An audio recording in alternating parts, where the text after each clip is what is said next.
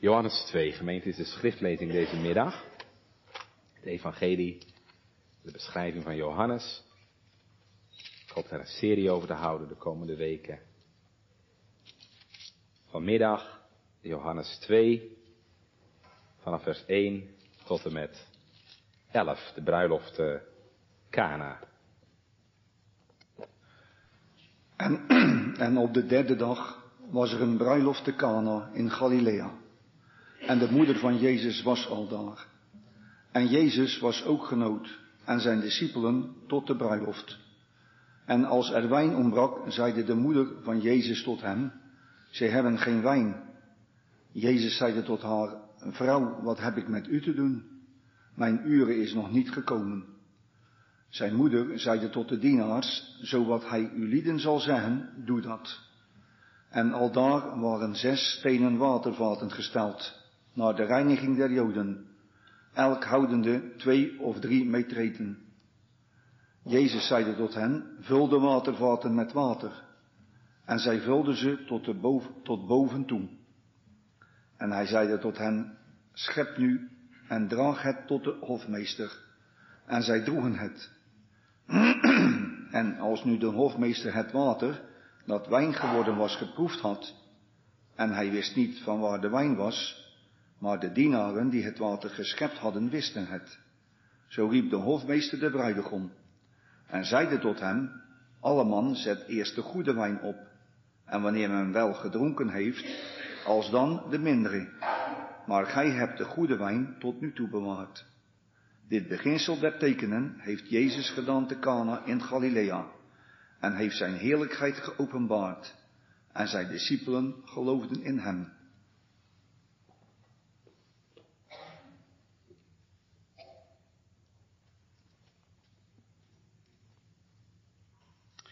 Gemeente jongens en meisjes. Vroeger deden we wel het spoorzoekertje. Ging je in twee groepen uit elkaar. En dan moest de ene groep de andere opzoeken. Die ene groep mocht als eerste vertrekken. En dan een minuut of tien later de tweede groep. Maar hoe kon je hen nou vinden? Wel, die eerste groep liet af en toe pijlen achter. En als je die maar volgde, dan kon je ze vinden.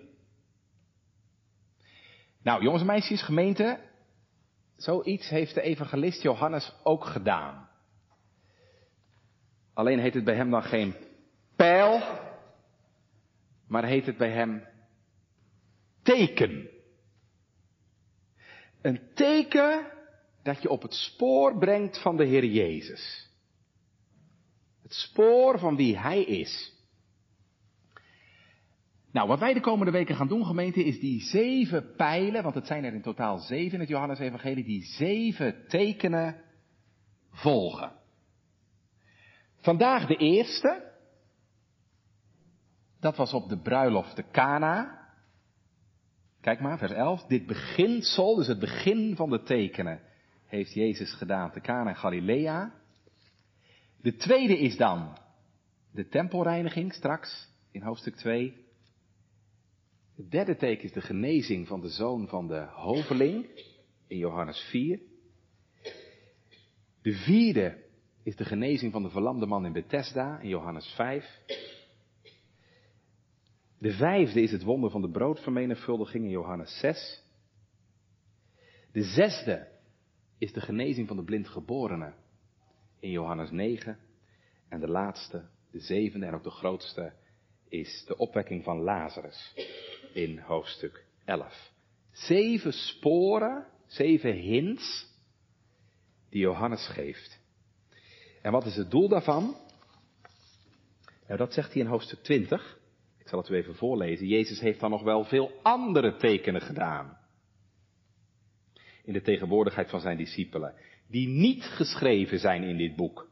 Maar deze, deze zeven die ik in mijn evangelie beschreven heb, deze zijn geschreven opdat gij gelooft. Wat? Opdat gij gelooft dat Jezus is de Christus, de Zoon van God. En opdat gij gelovende het leven hebt in zijn naam. Nou, daar gaat het om. En dat is ook mijn hartelijke wens dat de Heer deze preek ook daarvoor wil gebruiken. Dat u en jij het leven mag vinden in Hem. Ja, gemeente, het is de afgelopen twee jaar voor heel wat stellen helaas bittere werkelijkheid geworden. Dat je bruiloft niet doorgaat. Vanwege corona. Het kan nog erger. Dat je bruiloft wel doorging, maar dat die halverwege afgebroken moest worden. Ik las het verhaal van een vrouw afgelopen mei, die uh, bruiloft vierde in de achtertuin. Maar de buren waren gaan klagen bij de politie. En op last van de politie moest de bruiloft, notabene halverwege het diner, afgebroken worden. Het zal je maar gebeuren. Toch? Nou, gemeente, vanmiddag in Johannes 2 dreigt het inderdaad te gebeuren. Een feest dat afgebroken dreigt te worden. Laten we eens gaan kijken wat er aan de hand is. Ik heb vanmiddag niet uh, direct punten, zoals u van mij gewend bent. Maar ja, ik stel voor dat we deze geschiedenis behandelen door stil te staan bij een paar trefwoorden. Een paar trefwoorden waar ik vanmiddag even met u een streep onder zet. Dan beginnen we maar gewoon zo bovenaan. En dan gaan we zo van trefwoord naar trefwoord door deze geschiedenis heen. En dan wil ik met u letten op de bruiloft, de moeder, de vaten, de wijn en het teken. Dus wat deze geschiedenis betekent. Ja? De bruiloft, de moeder, de vaten, de wijn en het teken. Laten we de eerste plaats gemeente op die bruiloft te lezen in onze tekst. En op de derde dag was er een bruiloft. Ja, een bruiloft betekent natuurlijk feest. Het is een hoogtepunt in een mensenleven, hè, als een man en vrouw zich aan elkaar mogen verbinden. Dat is bij ons zo en dat was vroeger nog veel meer zo. He, waar bij ons een bruiloft, nou ja, hooguit een dag duurt. Uh, u weet in die tijd maar liefst zeven dagen werd een volle week voor uitgetrokken om de bruiloft te vieren. Dit was een enorme happening. Dit was niet alleen maar iets van de beslotenheid van de familie, maar er was werkelijk de hele gemeenschap, het hele dorp bij betrokken. Die dorpen waren niet zo groot natuurlijk als nu, soms enkele honderden mensen. Maar het hele dorp deed mee, het hele dorp vierde feest. Bruiloft. En als we hier lezen gemeente over een bruiloft, dan moeten we u een lampje gaan branden. Dan moet u vanmiddag dat woord bruiloft nadrukkelijk bezien vanuit bijbels perspectief. Want waar slaat dat op? Waar doet u dat aan denken? Bruiloft. Wel gemeente, bij bruiloft hoort natuurlijk een huwelijk. En u weet, het huwelijk is in de Bijbel een beeld van de relatie tussen de Heere God en zijn volk. Het huwelijk is in de Bijbel een beeld van de relatie tussen Christus en zijn gemeente. Je zou kunnen zeggen, gemeente, in deze Bijbel, van begin tot eind, gaat het over een huwelijk heel treffend trouwens ook, wist u dat? De Bijbel begint met een huwelijk. Genesis 1, Adam en Eva. En de Bijbel eindigt met een huwelijk, Openbaringen 22, de bruiloft van het lam. Ziet u? Het begint en het eindigt met een huwelijk. Ik stip dat nou even aan, kom er straks op terug. Bruiloft. Ja, en bij een bruiloft horen natuurlijk gasten die gasten, dat kunnen mensen van dichtbij zijn. Ik zei net al, dorpsgenoten. Dat kunnen soms ook mensen van verderaf zijn, familie en vrienden die misschien wat verderop wonen. En wie er ook is, zegt onze tekst, is de moeder van Jezus. Dat is ons tweede trefwoord, de moeder. Maria. Feit dat Maria hier alleen wordt genoemd, geeft reden om te vermoeden, gemeente, dat Jozef niet meer in leven is op dit moment. Maria waarschijnlijk al weduwe is. Maria woont in Nazareth, zoals u weet. Nazareth, dat ligt een uh, kilometer of 15 van Cana af. Misschien is ze familielid. Misschien is ze een vriend. In elk geval, zij is ook genodigd. En niet alleen zij, maar ook Jezus. Want we lezen, en Jezus was ook genodigd. Geliefde trouwtekst. Ik heb mijn eerste huwelijk in Arnhemuiden daarmee bevestigd. Meerdere keren trouwens met deze tekst een huwelijk bevestigd. En Jezus was ook genodigd. En als dat feest dan zo aan de gang is, staat niet bij hoe lang, misschien een dag of wat, voltrekt zich gemeente daar een kleine ramp in Cana. Want de wijn is op. Nou ja, dan zeg je misschien, dan drink je toch gewoon wat anders. Tegenwoordig ook wel uh, alcoholvrije trouwerijen. Ja, dat zou bij ons misschien nog wel kunnen. Met een hele schap aan frisdrank en allerlei opties, maar dat had je toen natuurlijk nog niet. Uh, andere dranken bestonden er nauwelijks. Dus die wijn is een soort primaire levensbehoefte. Er was niks anders om te drinken. En water bederft heel gauw. En daarom werden er veel licht alcoholische ja, dranken genuttigd. Het is een primaire levensbehoefte. Dus als de wijn op is, dan kan het feest niet doorgaan. En wat het allerergste is, dat is ook nog eens een vreselijke schande. want in het Midden-Oosten is gasvrijheid ontzettend belangrijk.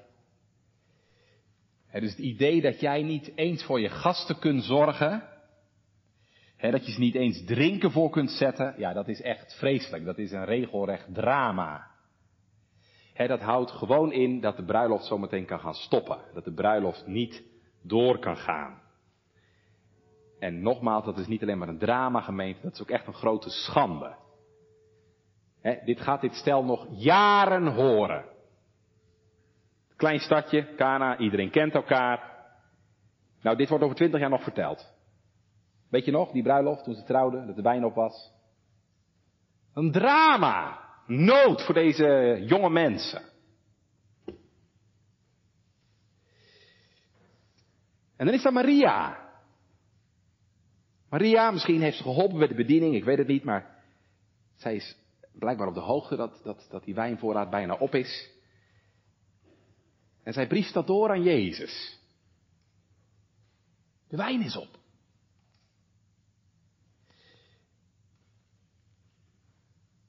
Dat is goed voor Maria. Maria doet het beste wat je kunt doen. Ze gaat met haar nood, met de nood naar Jezus. Doe je dat ook? Geloof je dat Jezus in de grootste nood uitkomst kan geven? Dat Hij uitkomst kan geven als al jouw mogelijkheden op zijn? Dat denk ik ook weer de les van dit gedeelte, hè? De Heer Jezus kan zeer verrassend uitkomst geven, gemeente. Moet je natuurlijk wel bij hem brengen. En het van hem verwachten. Ja, het beste wat je kunt doen is wat Maria hier doet.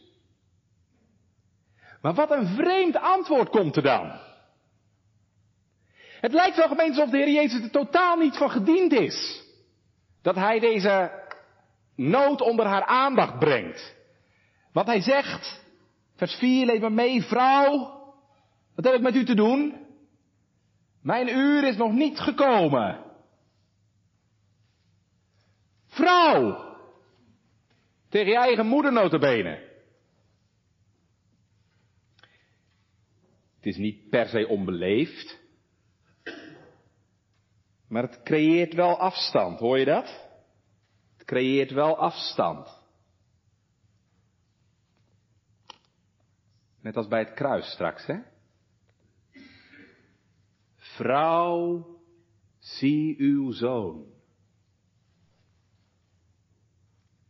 Nou ben ik niet meer je zoon, maar hij, Johannes.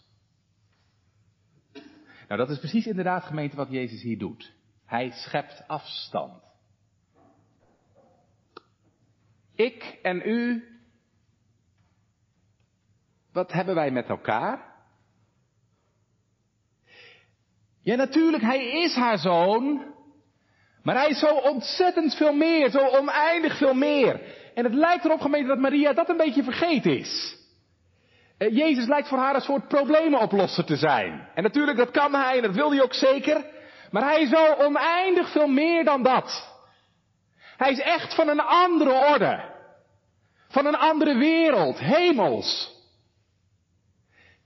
En dat moet Maria niet vergeten. En het lijkt erop dat ze dat wel een beetje vergeten is. Dat had de engel natuurlijk wel verteld bij de geboorte van Jezus. Die de zoon van God was, maar ja. Blijkbaar zakt dat toch ook weer weg. Hier is Jezus, de zoon van God. En, en dan dat tweede wat hij zegt, ook al zo wonderlijk. Mijn uren is nog niet gekomen. Wat bedoelt hij daar nou mee? Mijn uur is nog niet gekomen, betekent dat het is nog geen tijd voor een wonder. Uh, ik volg mijn eigen tijdpad of zo. Of bedoelt Jezus iets heel anders? Zit hij aan iets heel anders te denken? Ik denk het wel, gemeente. Want, want die uitdrukking kent u wel, hè? Mijn uren, die kent u wel, want die komen we vaker tegen in het Johannes-evangelie, hè? En dan is het steeds in het Johannesevangelie, mijn uren is nog niet gekomen. En dan weet u wel, uren, dat slaat dan op het moment van Jezus dood.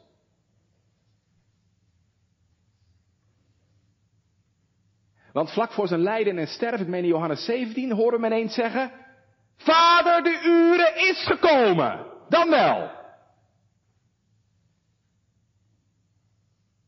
Maar nu nog niet. Kijk, dit is apart. Dit is apart. Maria zegt, de wijn is op.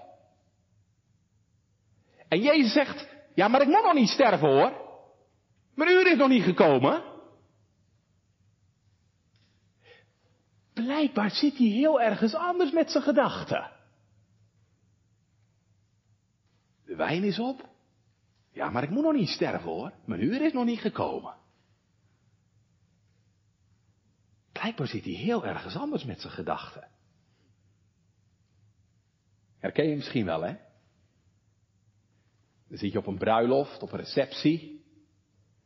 En onwillekeurig zit je zomaar terug te denken aan je eigen bruiloft. Nou, zoiets. Jezus is er niet helemaal bij met zijn hoofd. Nee, inderdaad, hij zit met zijn gedachten bij zijn eigen bruiloft.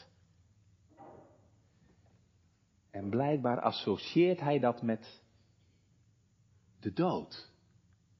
Want, zegt hij, mijn uren, mijn stervensuur is nog niet gekomen.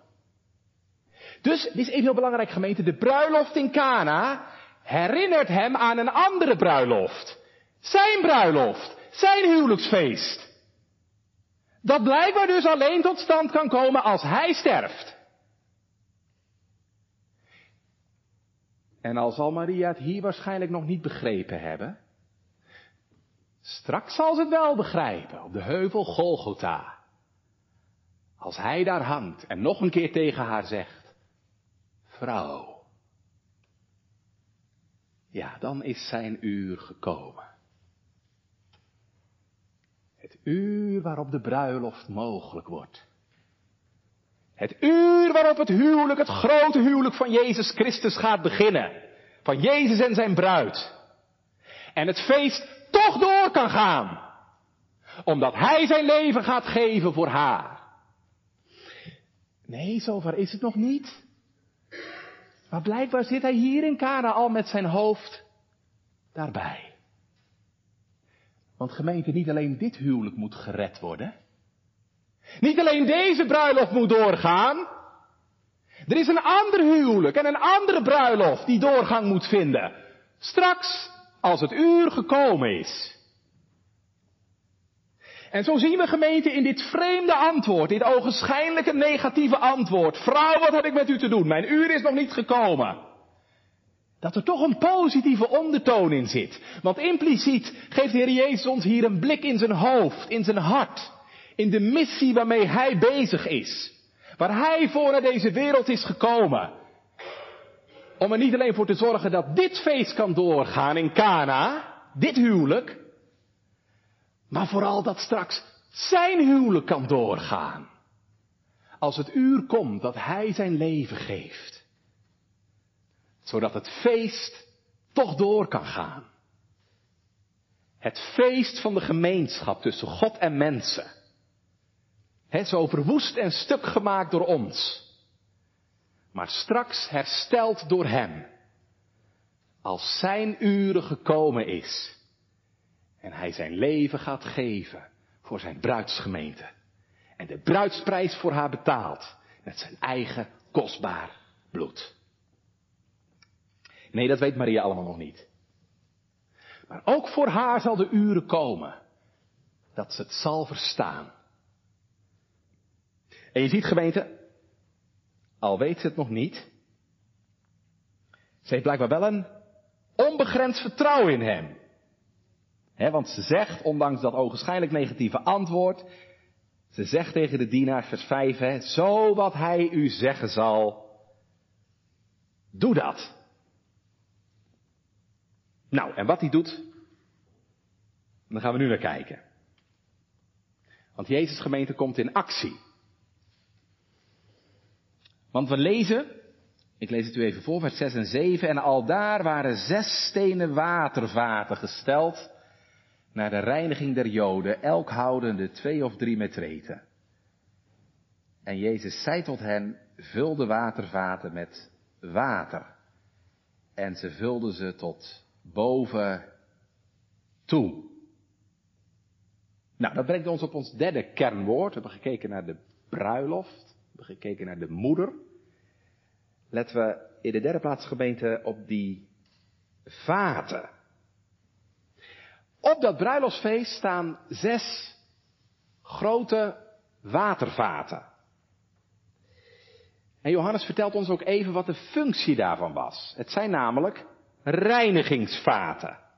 Joodse reinigingsvaten. U weet, wij kennen dat niet meer, maar de Joden hadden de gewoonte om zich regelmatig, soms verschillende keren op een dag, hè, te reinigen voor God. Dan wasten ze hun handen, hun voeten, een deel van hun lichaam met dat water. vandaar dus dat die watervaten daar staan. En ik wil u aandacht daarvoor vragen, want het zijn deze watervaten die Jezus gebruikt om zijn allereerste wonder te voltrekken. En dat is niet voor niks gemeente. Die watervaten die hebben een betekenis. Die watervaten die staan ergens voor. Die watervaten gemeente die staan symbool voor het oude verbond. Die staan symbool voor de wetten en de voorschriften van het Joodse geloof. Maar let er nou even op. Die vaten zijn leeg. Er zit niks meer in. Met andere woorden, en dat is wat Johannes ons wil vertellen, dat oude verbond dat is op. Dat is leeggeraakt. Die watervaten zijn leeggeraakt. Dat oude verbond dat is op, dat is, dat is tot zijn einde gekomen. Ja, nou denk je misschien, dominee, was dat oude verbond verkeerd dan? Het oude verbond van God met Israël? Nee, dat was zeker niet verkeerd. dat was ook door God ingesteld. al die wetten en voorschriften die in het Oude Testament tegenkomt, die hadden allemaal een functie. Denk maar aan de offerwetten. De offers lieten zien dat je verzoening nodig had. De reinigingsvoorschriften lieten zien dat je reiniging nodig had. Maar gemeente, het was altijd maar tijdelijk. Het was altijd maar ten dele. En het was altijd maar voorlopig. we hebben het uh, pas nog gezien op beleideniscategorisatie, toen hebben we het er ook over gehad. Toen hebben we gezien, al die voorschriften uit het Oude Testament, het waren schaduwen. Maar de werkelijkheid, ja, dat is Christus zelf. En dat betekent nu de Heer Jezus is gekomen, gemeente, nu is dat oude verbond op zijn einde geraakt. Nu gaat er een nieuwe fase aanbreken. Met de komst van Jezus gaat er iets nieuws beginnen. En je snapt toch wel, als de zon gaat schijnen, dan ga je toch niet bij kaarslicht zitten? Nu de zon gaat schijnen, de zon der gerechtigheid, Jezus Christus. Nu is dat oude verbond gemeente, dat is overbodig geworden. Want de Heer Jezus gaat straks dat oude verbond tot vervulling brengen. Hij gaat het definitieve offer brengen dat voor vergeving zal zorgen. Hij gaat voor de reiniging zorgen die gewoon water jou nooit geven kan. Maar hij wel. En dat wordt hier nou symbolisch afgebeeld in die lege vaten. Dat betekent, de tijd van het oude verbond zit er bijna op. En dan moet je kijken wat hij zegt. Wat zegt hij dan vervolgens? Vers 7. En Jezus zei tot hen, vul de watervaten met water. En zij vulden ze tot de rand, tot boven toe. Dus wat gebeurt er nou, ziet u het? Die lege vaten, die worden gevuld. Helemaal tot de rand toe. Kijk, dat is nou wat de Heer Jezus gaat doen. Weet je wat hij gaat doen? Die gaat dat oude verbond vervullen. Hij schaft dat niet af, maar hij gaat het vervullen. Daar hebben we de afgelopen weken veel over gehoord in de preken van gastpredikanten. Dat Jezus voor vervulling zorgt. Denk maar aan de preek van dominee Tramper. Denk niet dat ik gekomen ben om de wet en de profeten af te schaffen. Nee, ik ben gekomen om die te vervullen. of denk aan de preken over de doop van de Heer Jezus. Wat zegt Jezus dan bij zijn doop? Al dus betaamt ons alle gerechtigheid te vervullen. Nou, hier zien we dat gemeente heel symbolisch afgebeeld. Die vaten van het oude verbond, die worden tot de rand toe door Jezus vervuld. Zo zal de Heer Jezus alles doen wat in de wet en de profeten geschreven is. Hij zal Gods geboden vervullen. Hij gaat de offerdienst vervullen. Hij zal de ware reiniging volbrengen. Hij gaat alles vervullen wat in de wet en de profeten geschreven is. Hij vervult het oude verbond tot de rand, tot bovenaan toe. En wat is het resultaat daarvan? Nou, dat lezen we in vers 8 tot en met 10. En hij zei tot hen, schep nu en draag het tot de hofmeester. En zij droegen het. Als nu de hofmeester het water dat wijn geworden was geproefd had, en hij wist niet van waar de wijn was, maar de dienaren die het water geschept hadden wisten het, zo riep de hofmeester de bruidegom en zei tot hem, alle man zet eerst de goede wijn op.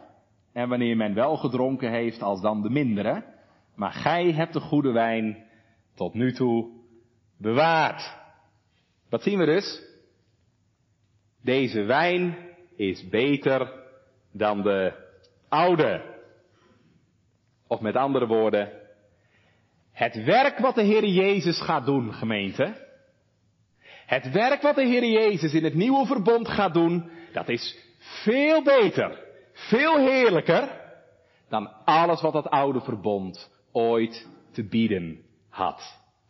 En dat is nou gemeente de boodschap van dit eerste teken van Jezus in Cana.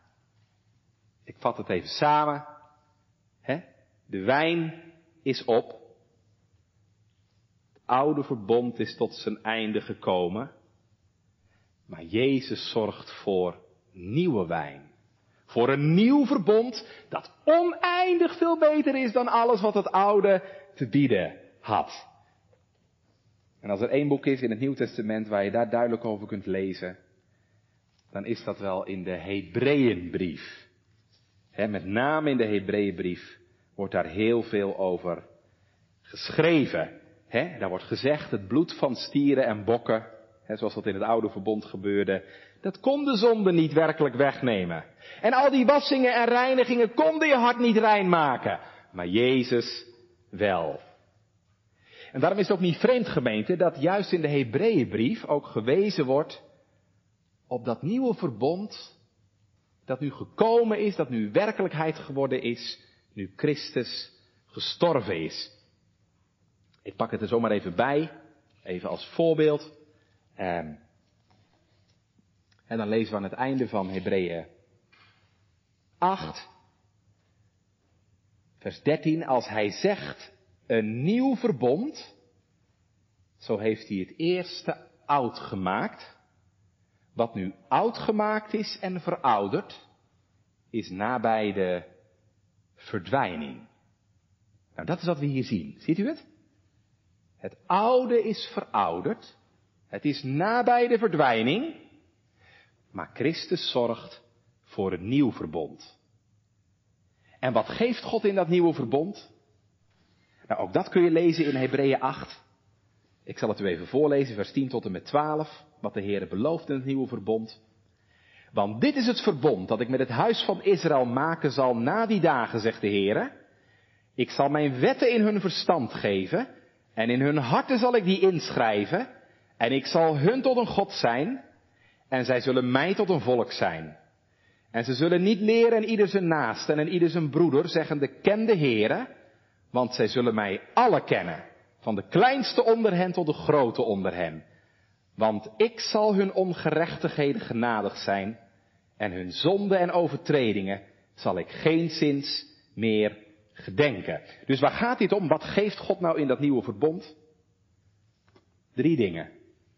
Hij geeft in de eerste plaats een persoonlijke relatie met God.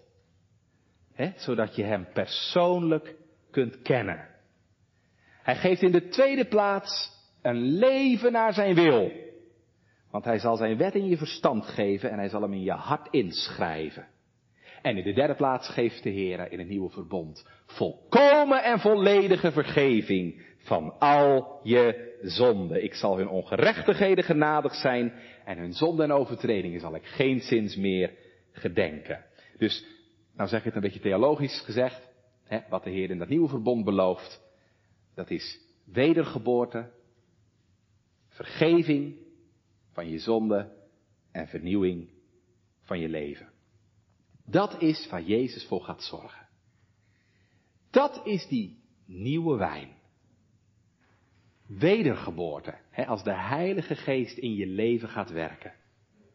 Vergeving door het bloed van Christus. En vernieuwing van je leven door de Heilige Geest. Dat is de boodschap gemeente van dit gedeelte. Jezus maakt nieuw. Hij zorgt voor nieuwe wijn. En we gaan het straks zien, hè? Zijn verdere bediening op aarde, zijn omgang tijdens die drie jaar dat hij, die hierna komen. Hij zorgt voor nieuwe wijn, maar hij gaat ook zorgen voor nieuwe mensen. Dat zie je nou heel het evangelie door, gemeente. Zometeen in Johannes 4, hè? Een zondige vrouw uit Samaria, die vijf relaties achter de rug heeft, haar leven wordt vernieuwd. Levi de tollenaar, een man met een verwoest en verknoeid leven, zijn leven wordt vernieuwd. Maria Magdalena, zeven duivelen notabene in haar hart, ze krijgt een nieuw leven. En gemeente, dat doet de Heer Jezus nog steeds. Jezus maakt mensen nieuw. Zodat je het gaat ervaren. Het oude is voorbij gegaan. Zie, het is alles nieuw geworden. Want indien iemand in Christus is, die is een nieuw schepsel. Ben je dat al? Ben je al een nieuw schepsel? Heb je dat ook al ervaren? Het oude is voorbij gegaan. Het is allemaal nieuw geworden in mijn leven. Dat is nodig, hè, gemeente? Ja, dat is nodig, want anders gaat het feest niet door.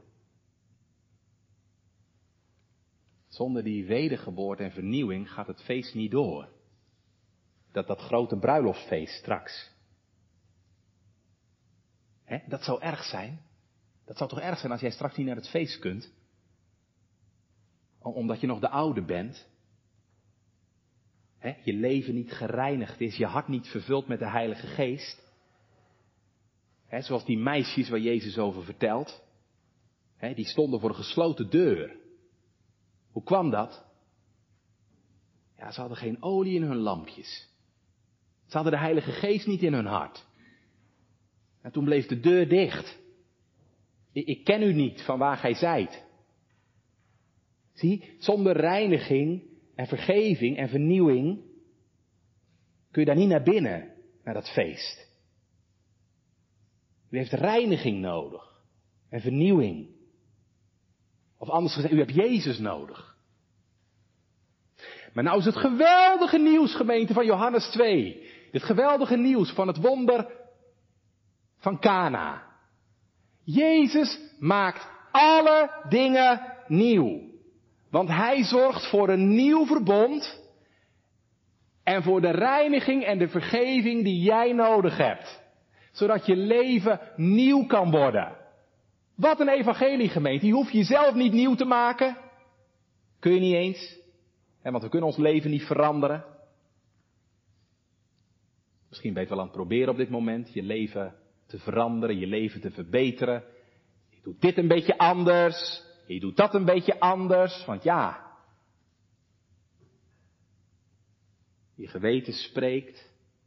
Gods woord spreekt in jouw leven. Je voelt echt dat er dingen anders moeten. je doet dit een beetje anders en dat een beetje anders. En, en zo rommelen we wat aan, gemeente, om het goed te krijgen met God. Zo rommelen we wat aan om onszelf voor God te reinigen. Maar weet je gemeente, dat is net als wanneer je een vlek in je kleren hebt en je gaat erin wrijven om het schoon te krijgen. Je maakt het alleen maar erger, hè? de vlek wordt alleen maar groter. Want je ziet niet dat je van je hoofdschedel af tot je voedsel toe onrein en verdorven bent voor God niet in staat bent om God te behagen. Niet in staat bent om jezelf rein te maken. En als je het toch probeert gemeente, ja dan is het pure eigen gerechtigheid. want dan hoop je maar dat de Heer tevreden is met jouw reinigingspogingen. Nou, dat gaat hem echt niet worden. Dat gaat u echt niet lukken. En dan hoop ik echt van harte gemeente dat de Heilige Geest u zo overtuigt van uw zonde en van de kwaal van uw hart, dat dat niks anders is dan een vuile bron van wanbedrijven. Dat u alleen nog maar kunt wanhopen aan uzelf en al uw pogingen om uzelf voor God rein te maken. Dat is nodig in ons leven, gemeente. Het is echt nodig, die overtuiging van de kwaal van je hart. Dat je gaat wanhopen aan jezelf. wil ik u vanmiddag ook vragen. Heb je daar, ken je daar iets van? Heb je daar iets van ingeleefd in je leven? Van je onreinheid en verdorvenheid. De, de onmacht om jezelf beter te maken, jezelf te veranderen. Kijk, als je dat beseft, gemeente, dan, dan zeg je ja, ik, ik kan mijzelf niet veranderen. Ik kan mijn hart niet veranderen, heren. Zie je dat? Geloof je dat? Geloof je dat je jezelf niet veranderen kunt? Heb je geleerd om te wanhopen aan jezelf? Geloof je, ja, net zo min als ik water kan veranderen in wijn, net zo min kan ik mijzelf veranderen. Zo staat het natuurlijk in de Bijbel, hè? Zal een moorman zijn huid veranderen? Zal een luipaard zijn vlekken veranderen? Nou, dat kan nog eerder gemeten dan dat wij onszelf kunnen veranderen. Maar nou vanmiddag het evangelie van Johannes 2. Hier is Jezus Christus en die zegt, ik maak alle dingen nieuw. Dat doe ik. Nieuwe wijn, nieuwe harten, nieuwe mensen. Heer Dominee, kan hij dat ook bij mij? Ja, natuurlijk kan hij dat. Dat kan hij zeker. Wat zou ooit zijn macht beperken? Ik zei net, heeft Maria Magdalena nieuw gemaakt. Levi. Paulus. Waarom zou dit bij jou niet kunnen? Alleen stop er nou eens mee om jezelf te veranderen. Stop er nou eens mee om zelf nog iets te willen zijn en wezen voor God. Stop er nou eens mee om te proberen jezelf nieuw te maken. Maar je beseft nog niet half hoe verdorven je bent en hoe onmogelijk dat is. En het ergste is gemeente, daarmee beroof je de Heer Jezus van zijn eer. Hij maakt alle dingen nieuw. Stop ermee om het zelf te doen. Wanhoop aan jezelf en stel je hoop op Christus alleen. En zeg maar, Jezus, zoon van David, ontferm u over mij. Raak mij aan, heren, en vernieuw mij. En, en roep dat maar net zo lang totdat Jezus tegen je zegt, wat wil je dat ik je doen zal? Roep dat net zo lang gemeente totdat je ook zeggen mag, het oude is voorbij gegaan. Zie, het is alles nieuw geworden. Moet je doen hoor. Nogmaals, anders gaat het feest niet door. Zonder reiniging en vernieuwing kunnen wij God niet zien. Dan sta je straks buiten. Buiten. Binnen is de bruiloft. En buiten, zegt Johannes, straks in openbaringen staan de honden en de tovenaars. En allen die Jezus niet nodig hadden. Of die zelf hun leven probeerden te reinigen. Maar vanmiddag mag ik u Johannes 2 verkondigen. Jezus zorgt voor nieuwe wijn. Hé, hey, doet je dat ergens aan denken? Wijn. Kent u nog meer plekken in het evangelie waar wijn voorkomt? Straks, hè, aan het eind van het evangelie. Dan staat hij daar. Met een drinkbeker in zijn hand. En wat zit daarin? Wijn. Een drinkbeker met wijn. En wat zegt hij dan? Deze drinkbeker is het nieuwe verbond in mijn bloed. De wijn is het teken van het bloed. Van het bloed van het nieuwe verbond. Dat voor u en voor velen vergoten wordt. Waartoe? Tot een volkomen verzoening van al onze zonden. Bloed dat reinigt van alle zonden. Voor mensen die ontdekt hebben dat ze dat zelf niet kunnen. En die daarom dit bloed nodig kregen. Tot volkomen verzoening van al je zonden. En als dat gebeurd is, gemeente. Ja, dan kan het feest toch doorgaan. Daar heeft Jezus voor gezorgd. Dankzij Hem kan het feest toch doorgaan. Het feest in Cana en straks het feest in het hemelse Canaan.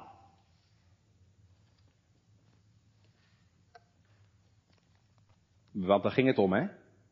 In de Bijbel. Toch? Begon, zei ik, met een bruiloft. En uh, de Bijbel eindigt straks met een bruiloft. Openbaringen 22. Het was bijna niet doorgegaan, die bruiloft. Vanwege onze zonde. Maar straks hangt hij aan het kruis. Als zijn uur gekomen is, hangt hij daar. De bruidegom. Om zijn bloed te storten. Het bloed van een nieuwe verbond. En nou kan het feest toch doorgaan. Want op de derde dag. Ziet u het? Was het je opgevallen net? Op de derde dag, hè? Ja, op de derde dag staat hij op. Op de derde dag maakt Jezus water tot wijn. En op de derde dag staat hij op uit de dood. En nou kan het feest toch doorgaan. De bruiloft van het lam. En wat gaat hij dan doen? Dan zal hij de wijn nieuw drinken in het koninkrijk van de Vader. Is u dat wel eens opgevallen? Bij het avondmaal? De Heer Jezus zegt tegen de discipelen, ik zal van de wijn niet meer drinken, totdat het koninkrijk van God aangebroken is. Dan weer wel.